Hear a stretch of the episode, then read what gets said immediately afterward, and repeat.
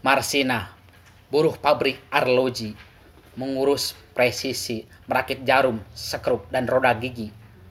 Waktu memang tidak pernah kompromi, ia sangat cemas dan hati-hati. Marsina itu arloji sejati, tak lelah berdetak, memintal kepanaan yang abadi. Kami ini tak banyak kehendak, sekedar hidup layak sebutir nasi. Kira-kira itulah hanya cuplikan puisi dari Sapardi Djoko Damono. Konon banyak orang menyebutnya sebagai mbah sastranya Indonesia. Walaupun iya kan Emang udah mbah-mbah. ya mbah mbah nah ya kalau kata Sun Situmorang dia itu seorang penyair yang sok tahu Emang udah mbah-mbah. ya udah mbah nah eh, hari ini kebetulan tepat banget dengan hari kematiannya Marsina tanggal 8 Mei tahun 1993. Nah, eh, soal eh, sekedar hidup jadi butir nasi ini, ini persis seperti yang Wiji Tukul katakan. Wiji Tukul juga adalah temannya Marsina, seangkatan, satu generasi yang juga sama-sama mati gitu di, di era tersebut. Kalau kata Wiji Tukul itu eh, merdeka adalah nasi dimakan jadi tai.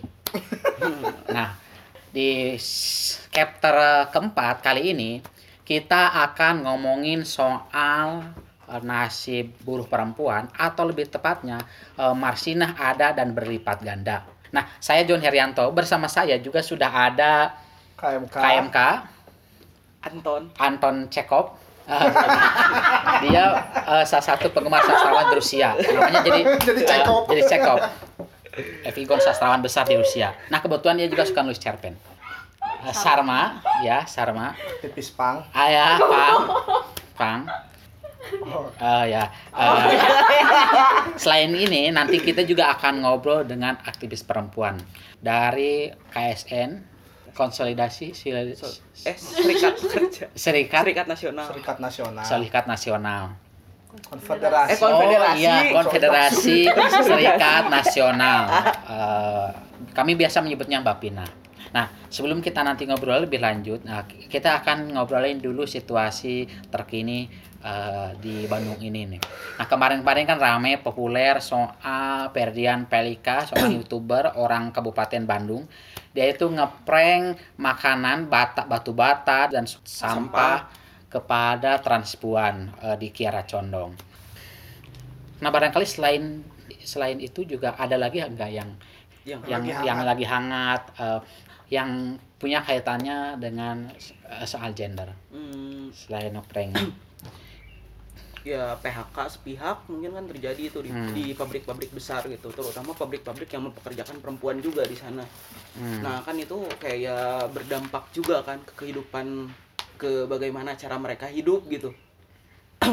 Kayak ya misalnya ketika eh, mereka kehilangan upah terus juga gitu kayak jaminan-jaminannya juga kan kita belum tahu juga apakah pabrik mau ngejamin atau enggak gitu kan. Ya banyak sih alasan-alasan mereka. Salah satunya kan gara-gara PHK sepihak terjadi gara-gara covid ini gitu bikin bikin si alur produksi terhenti gitu karena barang-barang kan mulai nggak ada gitu Hmm, Nah. Eh, terus Ya kebanyakan tuh kan buruh perempuan tuh mayoritas di garmen kan. Hmm. hmm, Pabrik-pabrik garmen tuh eh, mayoritas buruhnya perempuan. Dan beberapa pabrik garmen memang udah udah nggak produksi lagi. Ah. Artinya mereka di PHK dan ini berbandingan dengan eh, kekerasan seksual eh ya kekerasan rumah tangga yang Ya. meningkat. Artinya eh udah jatuh di timpa tangga hmm, dia udah di PHK kemudian balik ke rumah dapat tekanan juga dari Hmm. suami ya ya. Nah, soal kekerasan seksual itu juga memang bukan hanya di pabrik. Kayak kayak kalau di pabrik kan memang Hmm. sangat jelas misalkan termasuk misalkan kayak buruh perempuan itu diperlakukan berbeda dengan buruh laki-laki. Hmm. Kalau laki-laki buruh di pabrik itu dia punya tunjangan untuk keluarga karena punya istri dan anak. Di- Tapi si si si perempuan dia tidak punya gaji tunjangan, padahal Hmm. dia juga sama punya anak, punya suami. Nah itu kan gajinya pun ti- tidak adil, kerjanya sama, jamnya sama, tapi gaji nggak adil gitu. hmm. Uh, jadi uh, secara aturan undang-undang juga sudah tidak adil gitu. Uh, nah, eh, ngomongin soal kekerasan seksual nih, karena juga ada teman kita anak pang. Nah, kawan-kawan juga kan misalkan di eh, di Ponti misalkan Ponti Pes. Nah, eh, kan juga misalkan ada juga kekerasan seks, eh, ada pemerkosaan. kalau jadi kan maksudnya sa- sangat aneh. Kolektif Fang yang konon katanya anarkis itu ya, bisa melindungi perempuan. Tapi banyak terjadi. Kayak misalkan kemarin di Bandung juga salah satu grup band eh, saya lupa namanya grup bandnya. Apa? Eh, i- grup band yang yang sama-sama Haita itu. Buk, bukan. Yang dia sas- dia vokalisnya itu juga melakukan eh, apa kekerasan seksual apa pemerkosaan gitu. Si- UHC apa lupa grupnya. UHT. UH, teh susu ultra. eh, nah si lagu-lagunya itu sangat kontras dengan tindak lakunya eh, lagunya itu pro lingkungan pro ini tapi kelakuannya apa memperkosa. Atau seperti yang di perempuan berkisah misalkan ada aktivis yang ngakunya aktivis yang melindungi perempuan tapi dia memperkosa Eh, misal- atau misalkan di apa di kolektif misalkan pembebasan misalkan ada Wisnu misalkan. Eh, atau di anak pang misalkan grup pang. Oh ya grup pang di, di buah batu misalkan korsa pang. Nah ada Kevin Kevin. Semua ambil semua personilnya ya? Ya dua Dua dari tiga dua dari personil. tiga personil juga melakukan pemerkosaan gitu. Nah eh, Kevin sama Wisnu. Sapang telah mati. nah eh, ini gimana nih soal pang yang sering ini? Iya, akhir-akhir ini kan jadi eh tapi yang banyak yang muncul pas tahun ini tuh adalah yang di eh, Ponti gitu. Eh, sebenarnya itu kan kasusnya udah lama, cuma eh, si kolektif Ponti ini nggak bisa ngambil sikap yang tegas gitu buat eh, nendang pelaku dari kolektifnya, terus eh, nggak berpihak sama korban juga. Dan itu pun eh, terjadi sih di Bandung gitu banyak sekali eh, kekerasan pelecehan atau pemerkosaan itu yang dilakukan sama eh, orang-orang di skena punk musik eh, hardcore atau Ya. apa pun itu dan juga eh, nggak memungkiri juga bahwa ini terjadi di lingkungan eh, seperti gerakan-gerakan Ya. gitu Akunya. ya Ya. pelakunya ya katanya anarkis atau apa pun itu tapi eh, itu tidak menutupi bahwa dia pun adalah seorang pemerkosa gitu dan eh, kebanyakan si kolektifnya pun sangat eh, membela si pelaku gitu dan tidak berpihak sama ya, korban ya. memang eh, kalau kekerasan kan memang bukan hanya kelompok anarkis saja marxis termasuk kaum agamis Ya, juga di mana pun ya lah. di mana pun juga terjadi sekalipun yang dia memang ya katakan secara ideologi dan prinsip melindungi perempuan Ya. gitu solidaritas perjuangan perempuan dan lain-lain itu juga banyak terjadi kan ya banyak Sange emang nggak memandang ideologi. Iya. Sange mah sange. ya, ya kayak di Jombang tuh ba- banyak beberapa pesantren dia mencabuli dan memperkosa santrinya sekarang kasusnya sedang di apa sedang diproses selain itu juga misalkan ada yang aku saya kayak Syekh Puji kan udah ber- ber- Oh iya. berkali-kali lagi mengawini ya? iya sekarang kawin lagi Is- calon istrinya itu usianya tujuh tahun sekarang Hmm. yang sebelumnya usia 9 tahun Tujuh tahun. iya Hmm. tujuh tahun Iya, Padahal sebelumnya udah di penjara ya. iya ke- Ya, sebelumnya menikahi anak di bawah umur Iya, usia 9 tahun. Nah, usianya sudah banyak tuh anak-anak semua. Nah, kalau di Bandung eh, hari ini Polrestabes Bandung merilis ada eh bukan hari ini, tepatnya tanggal 5 Mei. 5 Mei merilis bahwa selama Covid ini kekerasan seksual itu meningkat. Di kota dan kabupaten itu ada 18 kasus. Nah, sebelumnya sebelumnya itu selama tiga tahun terakhir ke belakang itu yang ditangani oleh polisi itu ada 124 kasus KDRT. Hmm. Eh, nah biasanya di di bulan-bulan sebelumnya menurut laporan Polres itu ada sebulan itu hanya satu kasus. Nah sekarang itu bulan Maret sa- 18 Langsung 18, langsung meningkat.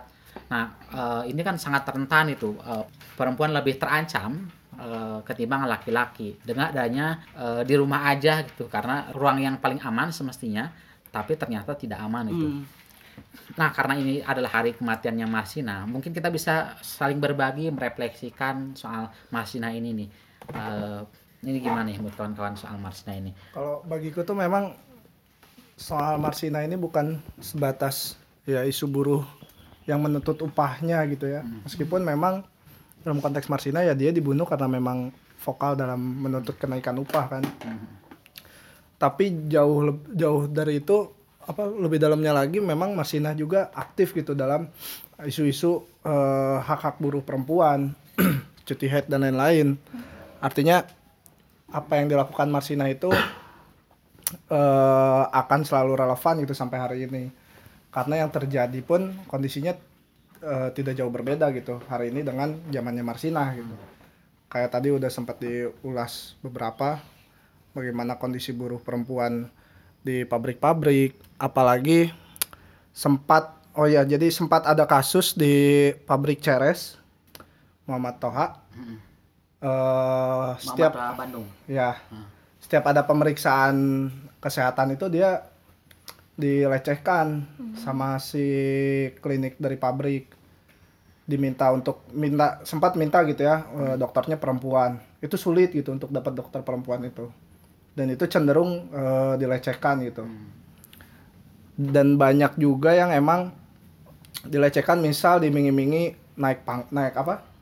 Jabatan. jabatan. Itu kan karena memang ada eh, ini ya relasi kuasa gitu ya dia si atasannya punya kontrol atas atas buru-buru yang di bawah gitu yang pekerja yang di mesin bagian-bagian mesin. Nah itu sering banget terjadi. Nah artinya aku tuh ngelihatnya perjuangan apa perjuangan Marsina tuh emang ak- akan selalu estafet gitu. Hari ini banyak Marsina-Marsina eh, yang lain gitu. Artinya banyak eh, yang meneruskan perjuangan-perjuangan Marsina gitu. Jadi sosok Marsina itu memang eh, banyak gitu sebetulnya bertaburan di mana-mana. Perjuangannya ya perjuangan yang dilakukan Marsina gitu.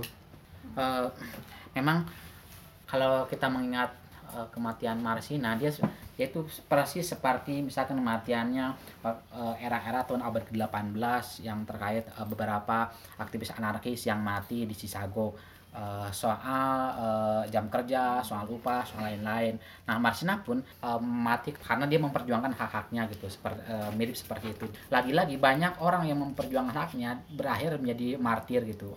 Eh, kalau kita ingin tahu lebih detail misalkan eh, para pendengar, para pendengar sekarang bisa eh, lihat eh, puisinya Sapardi Djoko Damono dia merangkum seluruh hidup Marsina dalam satu lembar puisi.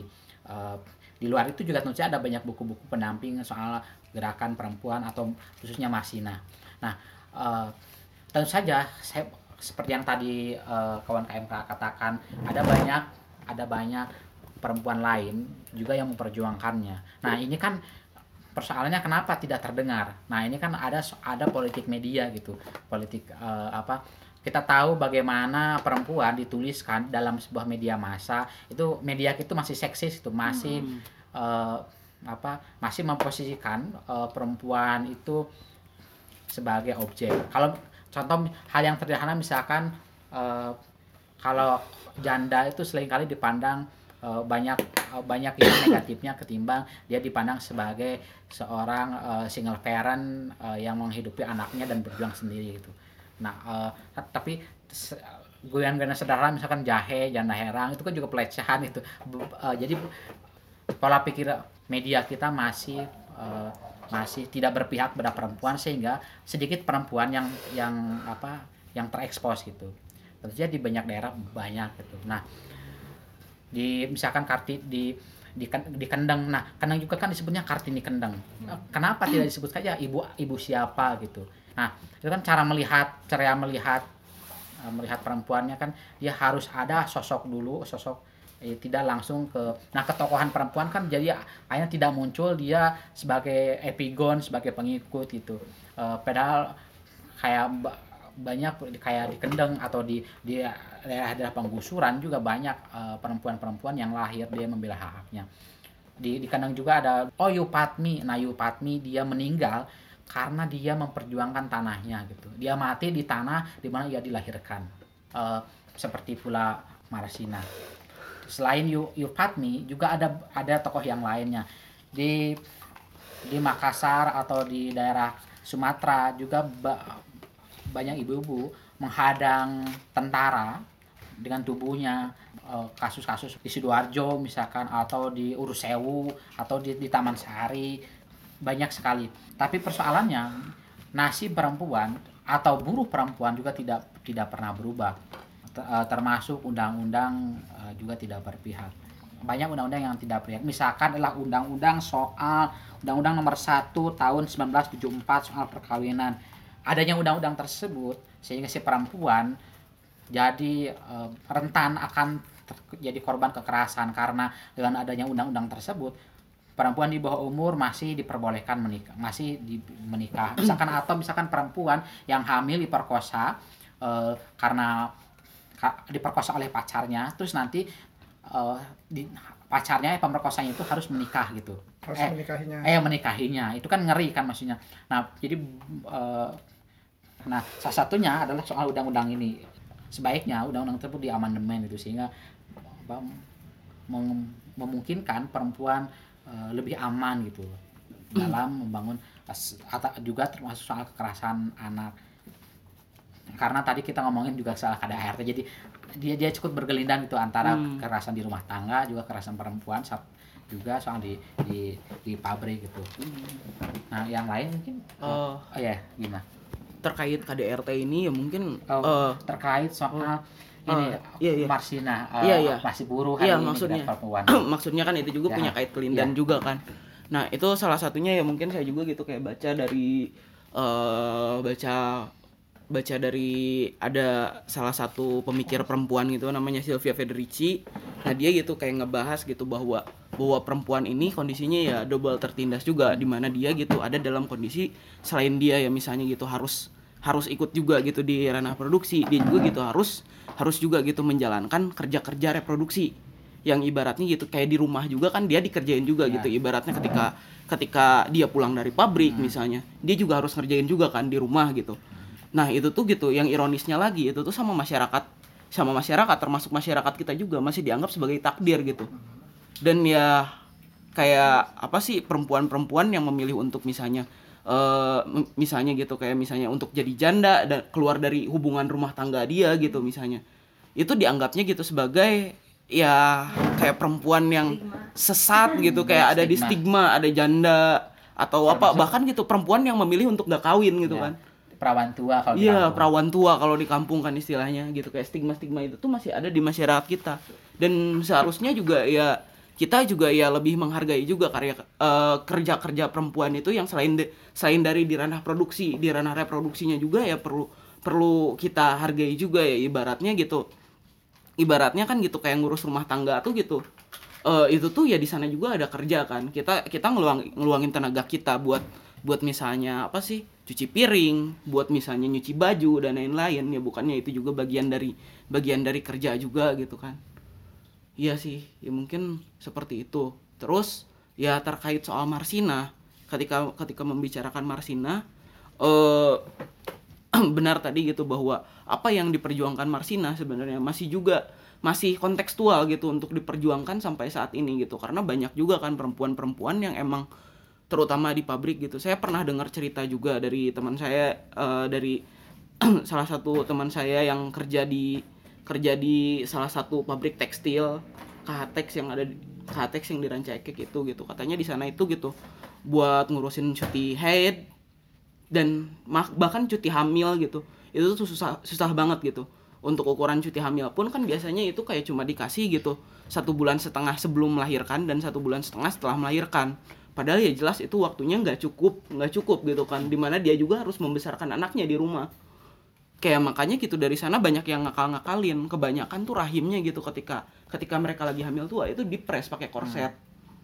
Itu dipres pakai korset. Dan bahkan banyak juga gitu kasus keguguran yang terjadi di sana gitu. Hmm. jadi ya ibaratnya gitu kerja perempuan itu antara hidup dan mati gitu. Iya, iya. ketertindasannya lebih dari lebih dari ya ibaratnya kalau dibandingin sama laki-laki atau ya sebenarnya kita semua sama tertindas gitu di bawah kapitalisme tapi gitu ketertindasan perempuan itu lebih lebih lagi Ya, gitu karena laki-laki ikut mengeksploitasi perempuan. Iya.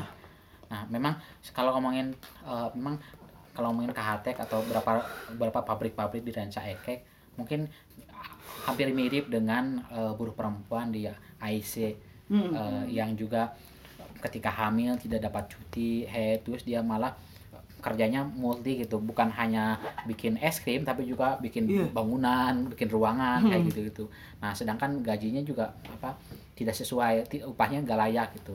It- ini juga artinya banyak terjadi di pabrik-pabrik gitu. Nah soal tadi soal perempuan juga eh, kan selain perempuan yang yang dalam pengertian eh, bukan wanita karir misalkan Hmm. Eh, dia yang di rumah misalkan biar biar suaminya yang Hmm. kerja nah si dia kan sering kali di, dia di- dilihat tidak tidak tidak melakukan pekerjaan padahal mendidik anak itu kan eh, ada pekerjaan yang paling sulit Hmm. mendidik anak dia mendidik anak melay, apa mendidik suaminya untuk ja- eh, eh, apa melayani suami dan mendidik suaminya terus juga mengerjakan pekerjaan rumah dan lain-lain nah itu kan sangat sangat patriarkis sekali gitu Hmm. eh, so- eh, si laki-laki yang punya apa sebagai kepala rumah tangga dan lain-lain. Nah, eh, tapi soal si perempuan yang kerja di rumah eh, juga misalkan itu kan juga tidak ada perlindungan. Misalkan contoh misalkan asisten rumah tangga. Asisten rumah tangga dia kan di, di kota itu paling banyak di Bandung misalkan. Kebanyakan tuh dari eh, kampung-kampung eh kampung-kampung dari kampung-kampung. Kampung-kampung eh, hampir semua di kota metropolitan Jakarta, Bandung, Medan, Surabaya, Jogja dan lain itu banyak sekali apa pekerja rumah tangga dari kampung-kampung. Nah persoalannya eh, tidak ada yang tidak ada yang melindungi mereka. Hmm. Misalkan undang-undang juga sampai saat ini rancangan undang-undang perlindungan pekerja rumah tangga itu belum juga disahkan.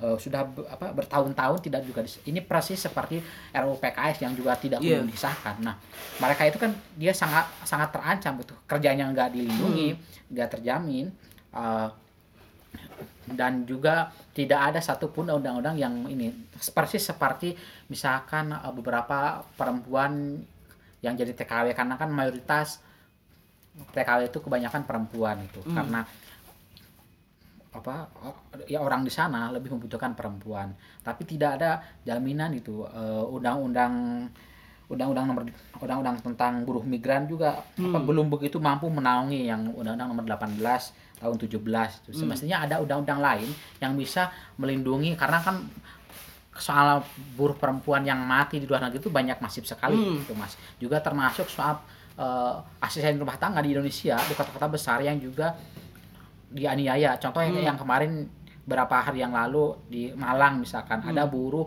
eh, buruh buruh perempuan eh, buruh pegawai rumah tangga itu asisten rumah tangga yang di yang di layout di layout ya, Oh iya. Iya.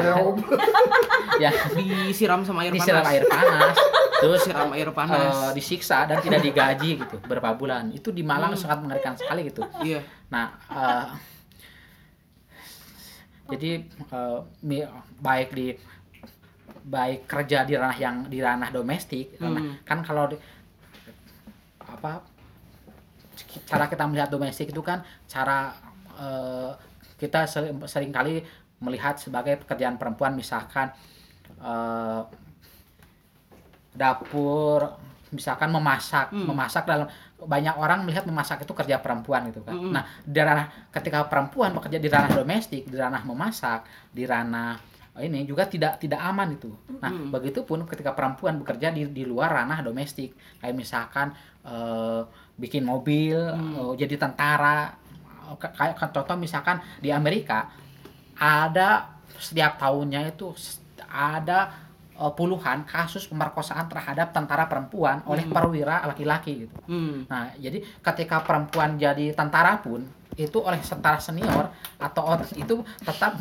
tidak aman tuh masih diperkosa nah, jadi eh, itu kan padahal ngeri kan perempuan bawa senjata itu. Nah, termasuk di di di, di apa di tenta di petugas keamanan di kita misalkan kayak di di polisi. Nah, polwan itu dia diposisikan untuk menangani kasus-kasus atau dia selalu diletakkan di depan gitu. Di depan Hmm. seperti etalase toko sebagai persis seperti media massa gitu. Dia Hmm. diletakkan di depan untuk me- menarik pembaca eh, diobjektifikasi nah polwan di kita pun diobjektifikasi gitu. Hmm. cara kerjanya pun tidak sebanding gitu. Apa eh, dia tetap apa tidak adil gitu. Nah nasib perempuan eh, di di sektor hal-hal yang seperti juga tidak tidak terjamin gitu. Jadi sangat sangat tidak terjamin sekali. Nah ada tambahan nah atau di di eh, contoh ada hal kalau di di skena musik misalkan skena musik punk misalkan di di Garut misalkan ada eh, kelompok musik Voice of Baceprot misalkan. Nah, dia kan oh yang semuanya semuanya perempuan, eh, dan pakai pakai jilbab hijab. Nah mereka anak-anak SMA eh, dari sekolah madrasah ibtidai dari madrasah aliyah dari madrasah aliyah. Nah dia di, di, di, di kampung kan dia melawan bagaimana Islam Islam eh, yang apa yang kaku gitu. Ya, nah eh, yang perempuan itu suaranya adalah aurat katanya kan. Ya konon kan suaranya aurat terus ya harus pakai cadar nah. Eh, tapi dia bisa bisa melewati itu gitu. Nah ini kan cukup menarik. Kalau misalkan ngobrol pakai telepati ya kalau perempuan. Suaranya aura. suaranya aurat Iya, kan soalnya iya. kan. nggak boleh ketawa terlalu tinggi Ya, gimana? Ada kan yang gitu. Nah itu artinya kan semestinya pikih perempuan itu semestinya dirumuskan oleh perempuan itu. Jadi se- sebetulnya ulama-ulama laki-laki itu ya berhentilah ngomongin soal Tubuh perempuan. Tubuh perempuan. Perempuan itu sendiri yang menentukan Ya. mana tubuh dia yang memang di, eh, dia nggak ingin untuk dilihat orang lain. Ya, nah eh, soal Marsina juga misalkan di, di beberapa skena punk misalkan dia juga menginspirasi beberapa grup musik punk. Contoh misalkan si Mar- Marginal. Marginal, marginal emang apa enggak Nah. kirain itu band Melayu ya, ya misalkan. Nah, karena kan banyak orang punk menyebutnya Marginal itu punk itu. Ka- aku mah kan eh, ini Main. eh, apa metalhead pendengar musik punk pendengar musik metal pendengar musik apa musik eh, hip hop atau apalah ya pendengar musik itu Eh, atau lebih lebih tapi ayah lebih tepatnya tukang joget atau bantu bikin acara event festival apa gitu gig workers Ah, gig worker. Gig Nah, workers. gig worker. Nah, juga kan terinspirasi dari perjuangan Marsinah misalkan. Nah, ada banyak skena punk atau grup-grup musik punk juga yang terinspirasi eh, dengan perjuangan Marsinah. Nih, ngomong-ngomong posisi Marsinah di punk itu kayak apa sih? Misalkan. kalau menurut aku sih dalam skena musik sendiri Hmm. eh kayak bentuk-bentuk perlawanan perempuan gitu yang hadir di sana tuh ya ketika mereka bisa keluar rumah dan mewujudkan apa yang mereka mau gitu seperti ya itu yang bandnya ada vokalis perempuan atau semua personelnya adalah perempuan. Kan kita sekarang gitu hidup di masyarakat yang bener-bener konservatif banget gitu. Eh, misalkan perempuan pulang malam aja udah disebut apa disebut apa. Apalagi ketika mereka ada di sebuah skena musik yang mungkin dilihat sama orang itu ini adalah skena musiknya laki-laki gitu.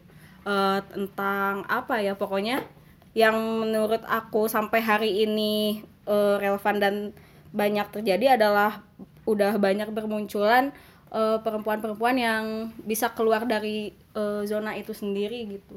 Dan bisa membuktikan bahwa mereka pun bisa eh, melakukan apa yang misalkan laki-laki lakukan eh, seperti di band gitu atau gigs worker pun banyak gitu perempuan-perempuan yang bekerja sebagai buruh di bandnya atau di gigsnya lapakan atau apa pun itu. Hmm. itu sih Memang memang sangat aneh sebenarnya. Sebenarnya sejak kapan sih punk disebut laki-laki misalkan? Iya. Persis seperti sejak kapan eh, apa celana ini laki-laki gitu Ya, atau rok itu perempuan. Ya, Ya. sejak kapan? Nah, eh, a- apa apakah karena polanya? Misalkan polanya karena misalkan eh, polanya musik itu keramaiannya malam, terus malam itu kesannya laki-laki gitu. Iya. Eh, perempuan itu pagi, siang atau atau sampai karena maghrib doang Ya, Kalau menurut- Kenapa karena nyampe memang- jam 12 malam itu kerja? sehingga punya jenis gitu. Menurutku karena memang konstruk sosial yang memang dibuat Hmm, sedemikian rupa gitu ya. Pertama karena memang laki-laki punya apa? punya kuasa gitu atas tubuh perempuan gitu ya. Pertama itu. Nah, dari situ lahirlah gitu konstruk-konstruk tadi yang melahirkan kayak ya perempuan nggak boleh keluar malam. eh, perempuan masa perempuan rambutnya pendek kayak gitu-gitulah yang sering terjadi di lingkungan Kehidupan lingkungan kita. kehidupan. Hmm. Nah, eh, mungkin kita akan lebih runcing lagi ngomongin soal eh, nasib buruh perempuan. Karena ini adalah hari di mana Marsina meninggal.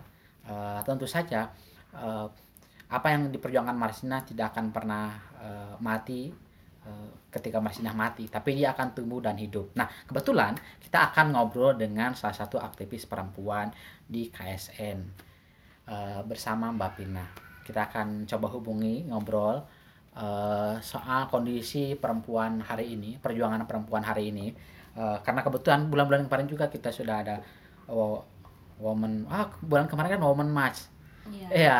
Nah, bulan IWD per IWD. Nah, soal IWD itu gimana nih?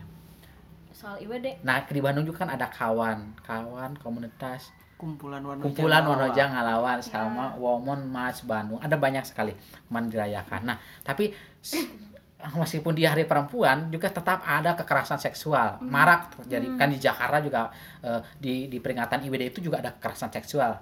Iya. Nah, mungkin kita langsung ngobrol eh, Oke. soal nasib eh, perempuan hari ini, khususnya buruh perempuan dan sejauh mana sih perempuan eh, sampai saat ini apa memperjuangkan hak-haknya.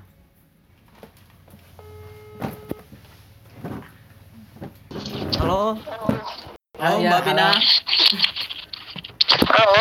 Ya, halo, selamat sore, selamat eh, puasa. Ya, Selamat sore. Dengan siapa ini? ini ini kita eh, sedang ngobrol-ngobrol soal eh, nasib eh, buruh perempuan atau bagaimana masa depan eh, buruh perempuan. Eh, ini kan mem- kebetulan membertepatan dengan eh, peringatan ah, meninggalnya Marsina tanggal 8 Mei. Eh, sekarang tanggal 8 Mei. Iya. Ya kalau kalau berbicara tentang buruh perempuan gitu ya, Hmm. itu ini ini kedenger nggak? Ya, saya dengar. Kalau kalau berbicara tentang buruh perempuan itu dari dulu sampai saat ini memang belum apa ya eh, belum menunjukkan sesuatu apa menunjukkan kemajuan yang signifikan gitu ya.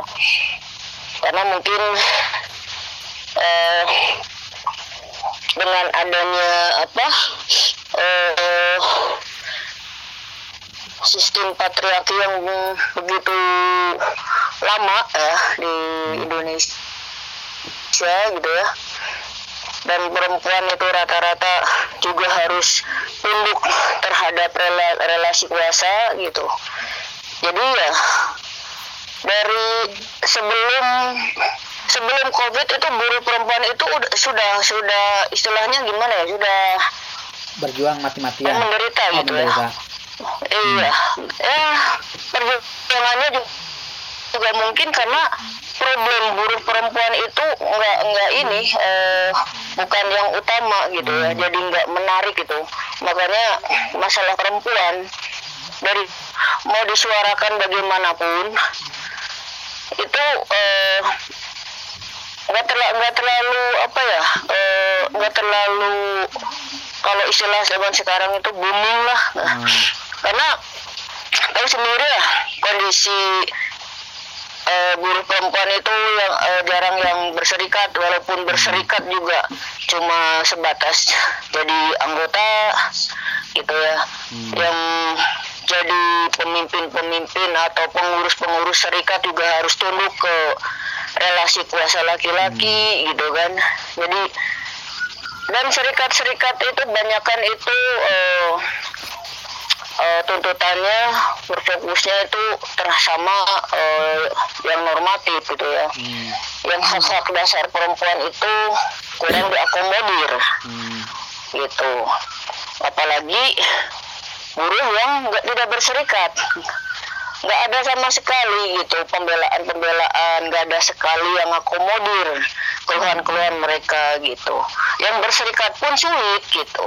Hmm. karena itu saya harus harus harus bicara belak-belakan memang di diserikat gitu. Ya eh walaupun anggotanya banyaknya perempuan tapi kebanyakan pengurusnya itu laki-laki kan ya, ya gimana gimana mau mengakomodir hak-hak dasar tentang perempuan gitu ya. Yang perempuan ibaratnya itu kan beban ganda gitu ya. Hmm. berperan ganda gitu perempuan gitu. Di rumah itu sebagai ibu sebagai istri dia sebagai eh, pekerja atau sebagai buruh terus di lingkungan ke, eh, rumah juga harus sebagai warga masyarakat gitu.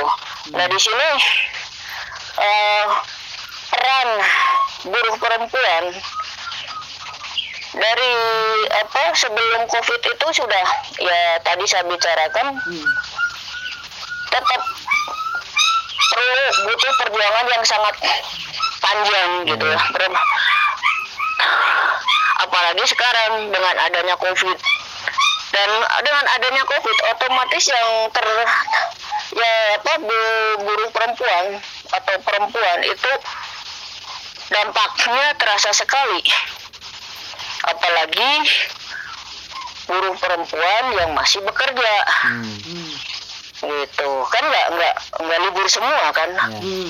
Gitu. Nggak nggak diliburin semua itu kan. Ada yang masih bekerja itu garmen tekstil itu banyak yang masih kerja gitu. Di samping eh, mereka juga was-was gitu.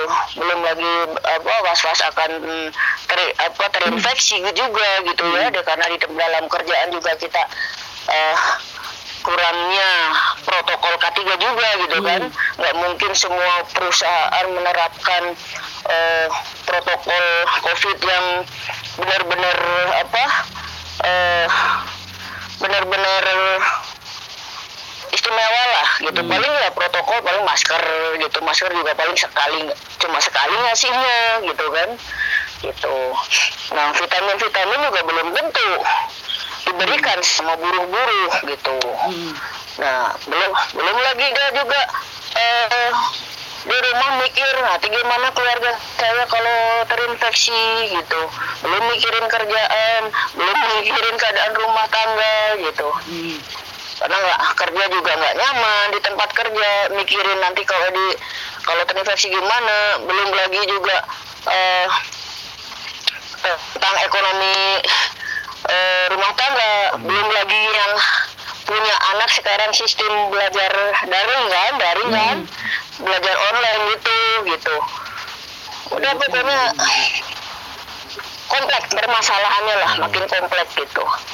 Nah di sini harusnya eh, peran negara itu benar-benar tapi kenyataannya peran negara itu nggak ada sama sekali ada memang ada tapi nggak menyentuh sama sekali gitu peran negara cuma sekedar bansos bansos bansos cuma paling makan untuk berapa hari sih gitu kan? Gitu. Sebenarnya itu kan juga bukan bansos bantuan sosial karena itu udah uang rakyat sendiri gitu kan? Bukan bantuan presiden bantuan gubernur bantuan bupati karena itu kan sebenarnya ya uang rakyat gitu. Kok disebutnya bantuan gitu. Nah nah itu. Makanya kalau dengan adanya apa eh, masa pandemi ini terus berkaitan dengan mengenang 27 tahun kematian Marsina gitu kan. Dari dulu sampai sekarang itu belum ada kemajuan yang signifikan apalagi kasus Marsina selama 27 tahun. Itu nggak ada sama sekali eh, ke- keadilannya di mana gitu. Pembunuhnya masih berkeliaran gitu kan gitu. Nggak tersentuh hukum sama sekali loh. Gitu. Dulu Marsina berjuang eh, berhadapan sama rejim juga kan rejim orde baru aparat segala macam gitu. Sekarang juga buruh perempuan berjuang dengan re- menghadapi resim juga menghadapi aparat juga menghadapi keluarga juga menghadapi masyarakat juga dengan rekan sekerja juga gitu. Perjuangan buruh perempuan sekarang justru makin rumit makin sulit dan makin berat.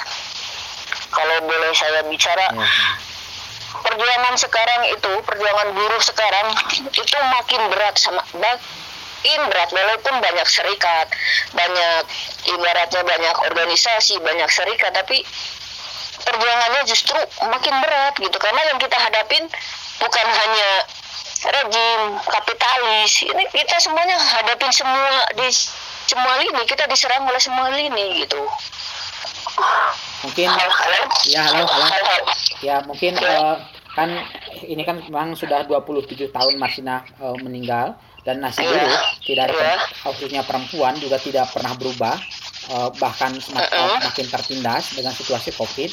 Eh, terus eh, juga kurangnya serikat buruh perempuan eh, termasuk dalam serikat sendiri hak hak perempuan sering kali tidak terakomodir. Nah, jadi eh, perempuan kan tadi kalau menurut Mbak Pina eh, apa semakin tertindas dan semakin sulit perjuangan artinya lebih panjang gitu. Nah, eh, saya ingin tahu kira-kira eh, pasca pasca pandemi ini kira-kira gerakan perempuan itu seperti apa sih di tengah himpitan yang makin berat itu? kalau gerakan perempuan itu memang eh, kalau saat ini itu ada memang kemajuan ada gitu ya. Yaitu kebebasan bersuara gitu kan. Terus perempuan-perempuan yang berjuang dengan adanya jaringan-jaringan terus ketua dari apa di organisasi politik juga ada yang eh, jadi pemimpin gitu ya di serikat juga ada jadi pemimpin ini kan per- perempuan gitu. Nah tapi kalau ada dilihat dari segi bebas berjuang bebas bersuara buruh perempuan juga bebas bersuara. Justru eh, sekarang juga buruh perempuan ada buruh perempuan yang eh, memimpin pergerakan, memimpin aksi-aksi itu banyak gitu kan. Kalau apa? Kalau di zaman dulu mungkin eh, karena saya waktu Orde Baru juga nggak ngalamin aksi-aksi waktu Orde Baru gitu ya. Kalau sekarang dibanding dulu memang eh, dia eh, dibuat kita udah bebas berjuang. Tidak di- eh, tidak ada seperti di masa orde baru yang terbatas ruang geraknya gitu ya. Namun nggak serta merta sekarang bebas. Ya sih? Ya, kapital masih sistem kapital gitu kan. Masih menghisap kelas buruh gitu. Gitu. Jadi walaupun kita sekarang seolah-olah kita sekarang bebas lah gitu melakukan aksi-aksi bebas. Padahal enggak sama sekali gitu. Enggak sama sekali. Karena apa ya? Itu eh, kebijakan-kebijakan masih orientasinya masih memihaknya ke kapital kan. Masih menindas kelas buruh masih menindas perempuan gitu kan. Nah apalagi dengan adanya sekarang ya outsourcing yang omnibus law gitu. Omnibus law itu saya singgung sebentar itu bukan merugikan kaum buruh saja, tapi merugikan 99% masyarakat warga negara Indonesia. Karena satu persennya kan pemodal, satu persennya kan pemodal modal gitu kan.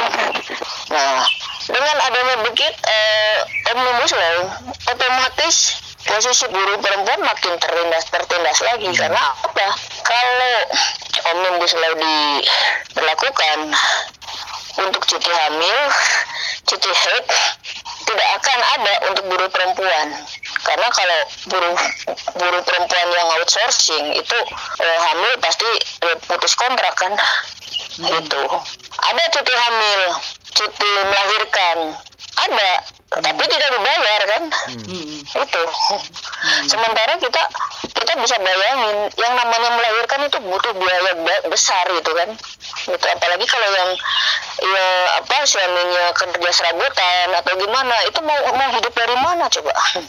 Tuh, jadi covid itu eh, dampaknya bukan hanya buruh perempuan aja tapi buruh laki-laki dan seluruh rakyat Indonesia itu kena dampaknya. Karena kita bicara dari kacamata buruh ya. Nah kalau dari kacamata buruh itu tadi dampaknya memang terasa banget bagi buruh perempuan. Karena kalau kalau dulu pulang kerja paling istirahat. Sekarang harus mikir lagi karena apa ya tegang tegang takut terinfeksi di jalan terinfeksi di tempat kerja gitu kan. Belum lagi kondisi ekonomi belum lagi anak yang sekolahnya model online gitu gitu kan yang belum terbiasa sama eh, buruh-buruh perempuan gitu kan. Ter- apalagi yang punya anak saya aja di sini yang anak-anak tetangga pada datang minta diajarin itu tugas-tugas online saya angkat tangan takluk gitu. Eh, mungkin memang eh, artinya buruh perempuan itu memang eh, semakin terancam. Apalagi nanti jika sudah ada omnibus law mungkin gitu ya. Eh, dia dia apa lebih lebih terancam lagi. Jadi memang perjuangan perjuangan buruh itu masih panjang. Eh, perjuangan bangsa ini juga masih khususnya rakyat Indonesia masih panjang nah mungkin saya kira cukup sekian mungkin mbak Eh, terima kasih sudah bergabung eh, dalam percakapan di hari eh, di hari meninggalnya Marsina. Terima kasih dan sampai ketemu lagi. Nah, eh, barusan kita sudah mendengarkan eh, apa soal situasi situasi terkini dan bagaimana eh, perempuan atau buruh perempuan dalam hari ini dan ha- hari esok setelah omnibus law di- disahkan juga masih masih terancam gitu Hmm. belum ada jaminan. Nah, eh, ini sangat mengkhawatirkan karena hari ini kita masih ingat ada buruh perempuan yang dibunuh oleh negara dan ha- sa- sampai hari ini negara belum juga menjamin gitu warga hak warganya mulai dari hak hidup atau hak kesehatan hak yang paling dasar adalah hak sehat.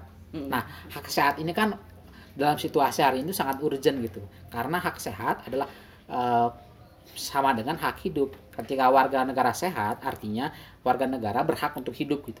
Nah, se- baru setelah itu ngomongin soal hak-hak yang lain itu. Nah, artinya sampai hari ini pun hak sehatnya pun tidak terpenuhi. Jadi memang masih gelap sekali, gelap lah. Ini jadi teringat bukunya Kartini habis gelap terbitlah terang. Nah, masalahnya ini ini gelap-gelap terus tidak ada terang-terangnya. Ah, kira-kira gelap-gelapan teh Ya, kalau begitu eh, sampai selamat berjuang eh, karena ini masih panjang. Sampai ketemu dan tetap berjuang. Semangat! Bla bla bla bla. dadah. Kaget aja.